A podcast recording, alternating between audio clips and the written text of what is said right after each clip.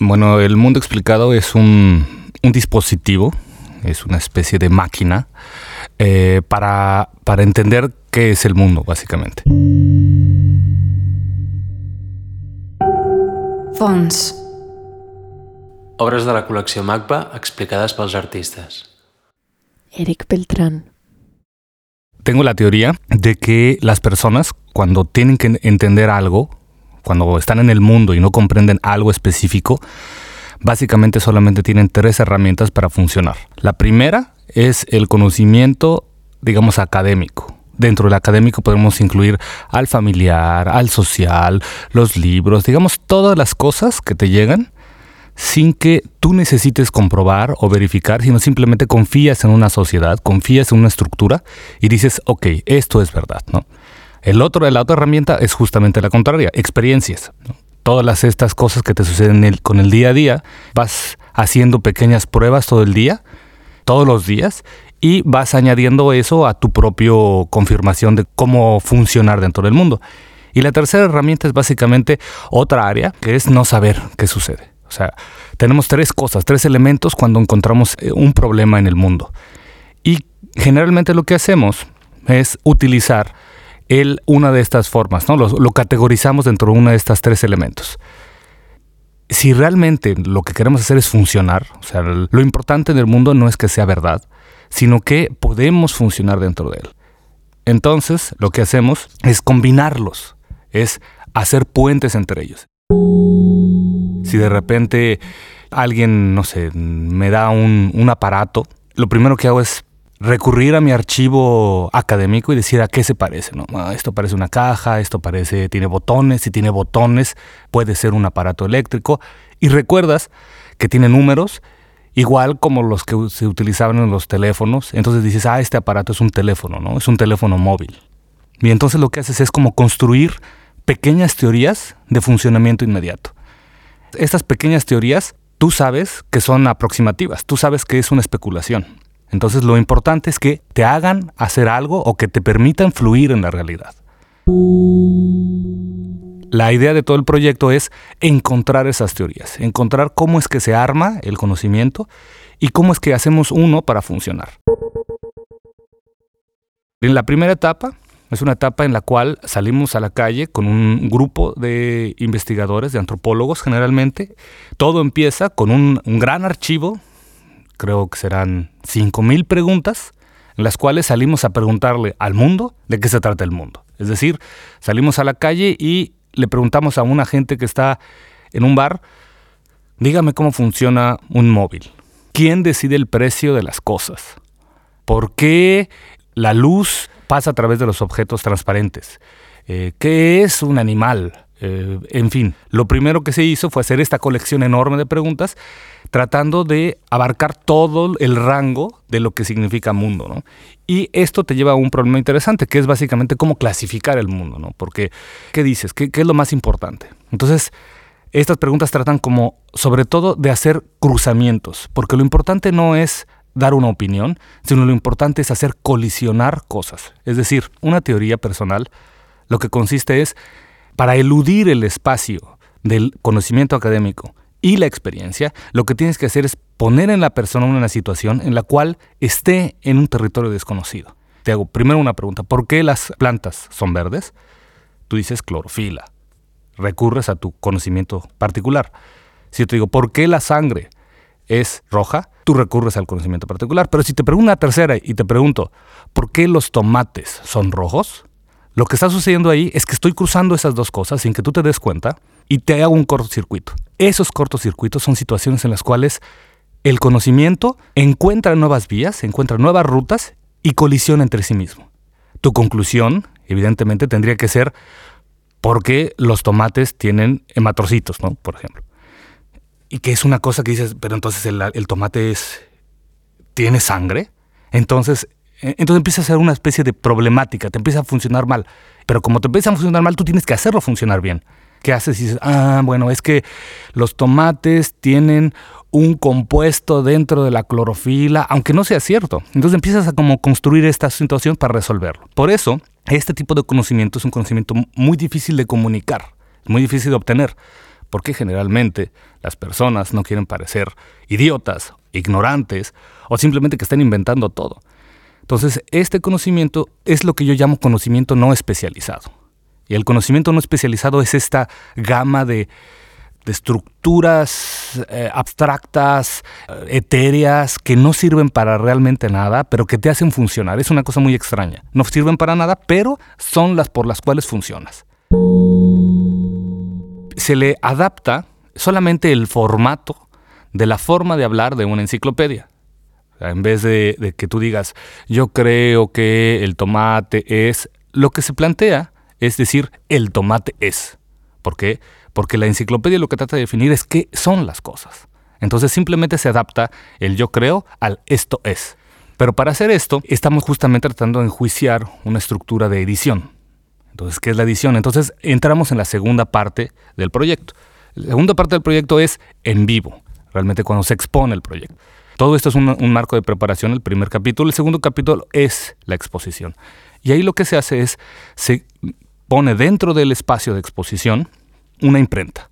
Se coloca eh, una máquina offset y se está editando en vivo todo este material recopilado y al, mismo tiempo se está recopilando nuevo material. Con la intención de que el espectador llegue y se dé cuenta de que no se está inventando nada, de que está produciéndose en el momento y de que lo que dice puede entrar en el libro real y el libro final de lo que se está armando. Entonces es realmente como decirle, estamos produciendo y el conocimiento se produce continuamente y es tan válido lo que dices como lo que dice un libro impreso. Aquí esto realmente una reflexión sobre la idea de qué es la reproducción del conocimiento, cuáles son las estructuras que validan el, el conocimiento, qué es la verdad y qué es la ficción. Y la tercera parte, que es realmente la que ahora, en la que ahora está el proyecto, es terminar con el libro, hacer una, un archivo de todo esto. Terminamos al final con, yo creo que serán como unas 2.500 entrevistas válidas, porque la única regla que teníamos era que las teorías no se pueden repetir. Es la única regla. Y cualquier información entraba, pero tenía que ser una teoría. O sea, tenía que crear esta tensión y colisión entre dos cosas. Entonces, al final ahora tenemos un gran archivo, tenemos unos impresos y tenemos la descripción de cómo crear esta situación con un libro, un libro final, que ya es la recopilación de todo este material. La censura del proyecto está fundamentalmente establecida por la persona que habla. Y de hecho el proyecto trata de eliminar esos marcos de censura. Porque lo que yo quiero obtener son cosas que las personas saben que son falsas. Entonces, si tú sabes que termina en un libro, no lo vas a decir porque tú sientes, porque tienes la estructura y estás educado para que los libros digan algo relevante, algo importante y algo que está metido dentro de procesos, por ejemplo, económicos. Es muy caro producir un libro, por tanto, tiene que valer la pena. Tus tonterías no son válidas y ese es el espacio en el cual me quiero mover. Quiero crear y decir que esto solamente es un proceso de edición. O sea, no importa que sea falso, no importa, la verdad está construida por ese proceso, es lo que estoy diciendo. Entonces, la censura de cualquier cosa eran las personas las que la hacían. Por ejemplo, si yo preguntaba cómo funciona un teléfono móvil, las personas son las que decían, no, no sé. Bueno, perfecto. Pero, ¿cómo crees? No sé, pero ¿cómo crees? Y había que romper esa barrera hasta que empezaban a salir verdaderas cosas alucinantes. Lo recuerdo una entrevista, que es una de mis favoritas, en las cuales se le pregunta a una persona, ¿los insectos sueñan? Que es una pregunta que colisiona con, una especie de, de, orden evidente, ¿no? O sea, yo sueño, ok, los insectos, ¿qué relación yo tengo con los insectos? ¿Qué elementos se necesitan y son necesarios para soñar? Entonces es, todo un, planteamiento muy, muy, muy extraño. La persona empezó a decir que él creía que los insectos no sueñan porque son seres que trabajan sin freno eh, al, momento de dejar de trabajar. Y que como él no soñaba, los insectos no, no sueñan. Entonces, básicamente lo que me está diciendo, no es importante la respuesta en torno a esa pregunta. Lo importante es que él estaba diciendo, las estructuras sociales de una sociedad como las hormigas son las que yo sufro dentro de una estructura política como la que tengo. Y eso es lo que me importa. O sea, el, elemento que desarrolla una problemática es lo de menos. Lo importante es el problema que se crea.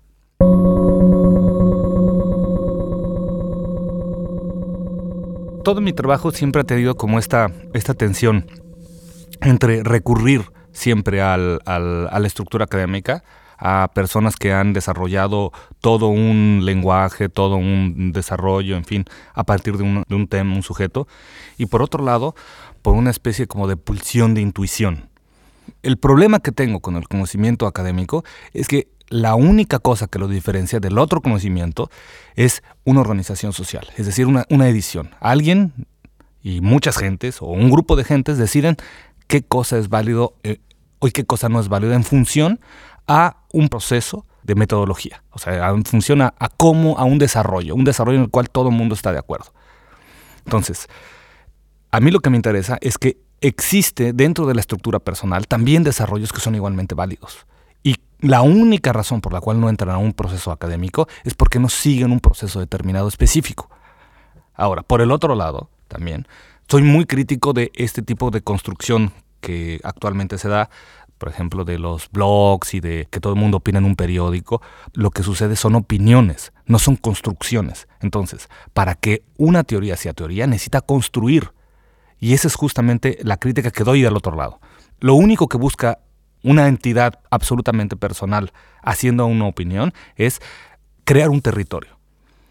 Y justamente lo que estoy tratando de establecer es la creación de un territorio común, no la creación de territorios personales. Entonces, ahí es cuando también creo que este proceso es súper importante. O sea, que ser consciente del proceso es lo que me parece importante. Ser consciente, por ejemplo, de, que la persona a la hora de estar diciendo por qué las hormigas no sueñan, eso no es crear un territorio, sino tratar de aproximarte al mundo. Y ahí es cuando creo que hay una diferencia de valores dentro del conocimiento.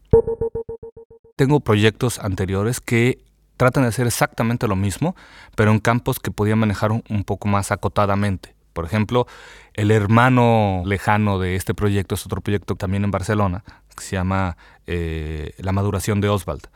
Y ahí lo que trataba de hacer era comparar un proceso físico que tiene toda la materia, que descubrió este científico eh, Oswald, que es que toda la materia, que está hecha de partículas, tiende a juntarse en una gran partícula. Por ejemplo, el ejemplo más claro era la cerveza. ¿no? La cerveza, cuando te sirve una cerveza, tienes miles de, de burbujas que tienden a crear una sola burbuja con el tiempo. Esto es un proceso que toda la materia tiene. Lo que intenté es pensar que esto podría ser una metáfora de cómo funciona el pensamiento, de que las ideas funcionan de la misma forma. Entonces traté de hacer lo mismo, pero digamos, acumular qué es crear un discurso, qué es crear una historia, qué es lo que una cabeza puede pensar a través de la mía. Entonces hice exactamente lo mismo, tratando de explicar el mundo, pero solamente a partir de mi conocimiento y de mi bagaje. Pero obviamente era tratar de enjuiciar cuál es el bagaje que tengo. O sea, la pregunta debajo de todos estos proyectos sería, ¿por qué me gusta lo que me gusta? ¿Por qué decido lo que decido? ¿Por qué hago lo que hago? En el caso del mundo explicado es tratar de entender que en el fondo este concepto de conocimiento no especializado también es un concepto hiperdevaluado. O sea, este conocimiento no lo vas a encontrar en ninguna parte. No está, está eh, no, existe. Es como si tú entras a una biblioteca y quieres encontrar esto, no está. ¿Dónde está? Está en el baño de ese lugar. Está escrito en los muros del baño. El conocimiento humano creo que es un conocimiento convenenciero, creo que es un conocimiento falaz, creo que es un conocimiento que trata de adaptarle la forma al mundo a partir de lo que no somos nosotros. Y la pregunta es qué somos nosotros, qué creemos que somos nosotros y cómo lo aplicamos al mundo. Por ejemplo, en el mundo explicado podemos encontrar una gama de teorías, pero te das cuenta que a la hora de acumular muchas teorías, estas teorías empiezan a empujar unas a otras. Por ejemplo, la idea que yo pueda tener del color va a modificar la idea que yo tengo de, no sé, la luz, y va a modificar la idea que yo tengo de eh, la energía, y va a modificar. Entonces se van haciendo como, como redes. De hecho, la otra parte del mundo explicado es justamente visualizar todas estas fuerzas. O sea, trato de entender el conocimiento no como puntos definidos, no, no como en un plano cartesiano, sino en un plano de fuerzas y energías. La verdad para mí no es un lugar, sino es una lucha de fuerzas. Están involucradas muchas cosas. Entonces, si podemos tratar de entender esto, si nos podemos quitar de la cabeza una definición específica, podemos darnos cuenta de que se abre el mundo. Por eso, en la enciclopedia, por ejemplo, no dice perro y el perro es tal. En este caso lo que se hizo es seguir esa misma lógica. Entonces son tensiones, no hay algo definido. Entonces, por ejemplo, un perro podría ser algo que está entre mamífero, cosas que ladran, y, y mejor amigo del hombre. Pero también podría ser definido como animal que me mordió ayer, caricatura que aparece en la televisión. Por eso trataba de diagramar estas cosas con una, una técnica muy sencilla de geometrizar estas colisiones. ¿no? O sea, estos, estas colisiones las llamé nudos epistemológicos, que es justamente eso, un nudo que genera conocimiento. O sea, algo que va a generar algo. Y eso para mí es la máquina fundamental para accionar en el mundo. Una teoría básicamente es un nudo, es algo que trata de responder a varias preguntas al mismo tiempo. Imaginemos que tenemos tres preguntas. Entonces, si tenemos tres preguntas, tenemos la posibilidad de desenudarlas un poco y simplemente pensar en sus direcciones. Entonces, nos damos cuenta que las direcciones, como es una colisión, se tratan de alejar lo más que pueden entre ellas. Por tanto, si tenemos tres, tenemos un triángulo. ¿Por qué? Porque tenemos tres lados que tratan de alejarse entre sí lo más posible y que podemos diagramar muy fácilmente con esta figura. Cuatro preguntas podrían ser un cuadrado, cinco preguntas es un pentágono, seis preguntas es un hexágono. Vamos creciendo porque lo que sucede es que se juntan al centro.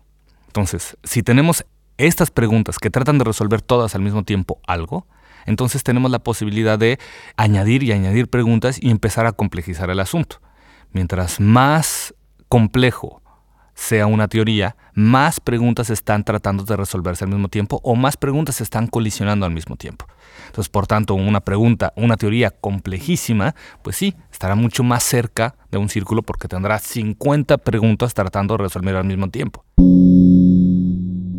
Hay un término que se coló desde muy temprano y que es una cosa que he venido investigando en varios proyectos con varias gente, que es la idea de la microhistoria. Eh, la microhistoria me refiero con ello a esta corriente de la historiografía italiana de los 70 que fundamentalmente, o la persona más reconocida es Carlo Ginzburg. Él decía que una forma eran las anomalías de la historia. Por ejemplo, si vemos a alguien que nos explique exactamente cómo pensaba, nos podemos dar cuenta mucho más preciso cómo funcionaba un contexto una, sociedad en un determinado momento de la historia que haciendo la operación generalista que se venía haciendo. Es decir, vamos a pensar una persona del medievo. Entonces decías, ¿cómo pensaban las personas del medievo? Ah, pues más o menos así. Ah, esta persona por tanto debe pensar así. Es decir, empiezas con una definición como de diccionario, medievo, tum, dos puntos, se empieza así persona, pum, ta, ta, ta. Entonces vas haciendo como de, de, lo general a lo particular. Él planteaba que podría leerse de la forma inversa, de lo particular a lo general y te eludía meterte o encasillar a la persona ya en conocimientos preestablecidos. Entonces, por eso se dedicó a investigar a personas de, anómalas dentro de la circunstancia, que eran las brujas, las gentes que quemaban, por la razón de que son las únicas personas a las cuales se les preguntaba todo en procesos de inquisición eran juicios que duraban seis meses y que les preguntaban exactamente qué pensaban. Entonces, de las pocas personas que tenemos registro de todo lo que pensaban, eran estas personas que aparte pensaban rarísimo porque pensaban a contrapelo de lo que se debería pensar en ese momento. Entonces, era más o menos esta, esta misma metodología de llegar al conocimiento a partir de lo particular y cómo ese particular genera una organización, eso era más o menos también lo que intenté aquí. Para ser honesto, a mí la parte que menos me interesa aquí es la artística más bien utilizo el arte para realmente entender. El primero que entiende cosas aquí soy yo, porque quiero entender. Y esto sirve como para empezar a crear una especie de espacio, o, esa es mi intención, un espacio para reformular o replantear ciertas categorías de cosas. Esto es una forma de hacer una presentación de cierta información que siempre está descartada. eh, me gustaría que esto terminara evolucionando en otro tipo de conocimiento. O sea, las pláticas más interesantes que he tenido con, del proyecto han sido con psicólogos y con sociólogos. las menos interesantes han sido con artistas. Porque empezamos realmente como a encontrar como puntos en común. Este tipo de investigación es una investigación que sería casi superflua dentro de una estructura académica, pero los resultados no, y ahí es cuando se pone interesante. O sea, si alguien pudiera utilizar esto dentro de otro campo, me parecería lo ideal, y de hecho es un poco mi aspiración. O sea, varias personas me comentaron que estoy cerca de varias teorías sociológicas de utilización del, concepto de herramienta. Bueno, que tengo, estoy con un pie dentro de la estructura de, de, Lacan y con otro pie con la estructura de Deleuze. A mí lo que me interesa es que las personas en general, que cuando puedas acceder a la información, realmente tengas una posición crítica. Eso sería como lo primero que me gustaría que sucediera. Y ya después que empezara a, convertirse en una cosa extraña, ¿no? No, actualmente ciertas eh, investigaciones científicas podrían estar en el mundo del arte sin ningún problema, pero sin ninguno. Pero la cosa que es interesante es que al revés no. Y eso, eso es donde creo que estoy trabajando. Al revés, eh, todavía es muy reticente. Y he estado trabajando, no sé, he estado haciendo investigaciones sobre, sobre, no sé, los miembros fantasma. Y cuando vas a hablar con los grandes expertos de esto, te ven como si estuvieras haciendo dibujitos. Y creo que no, creo que hay, hay, un campo a recorrer. Y creo que tiene que ver con la construcción de la verdad a partir de los modelos sociales.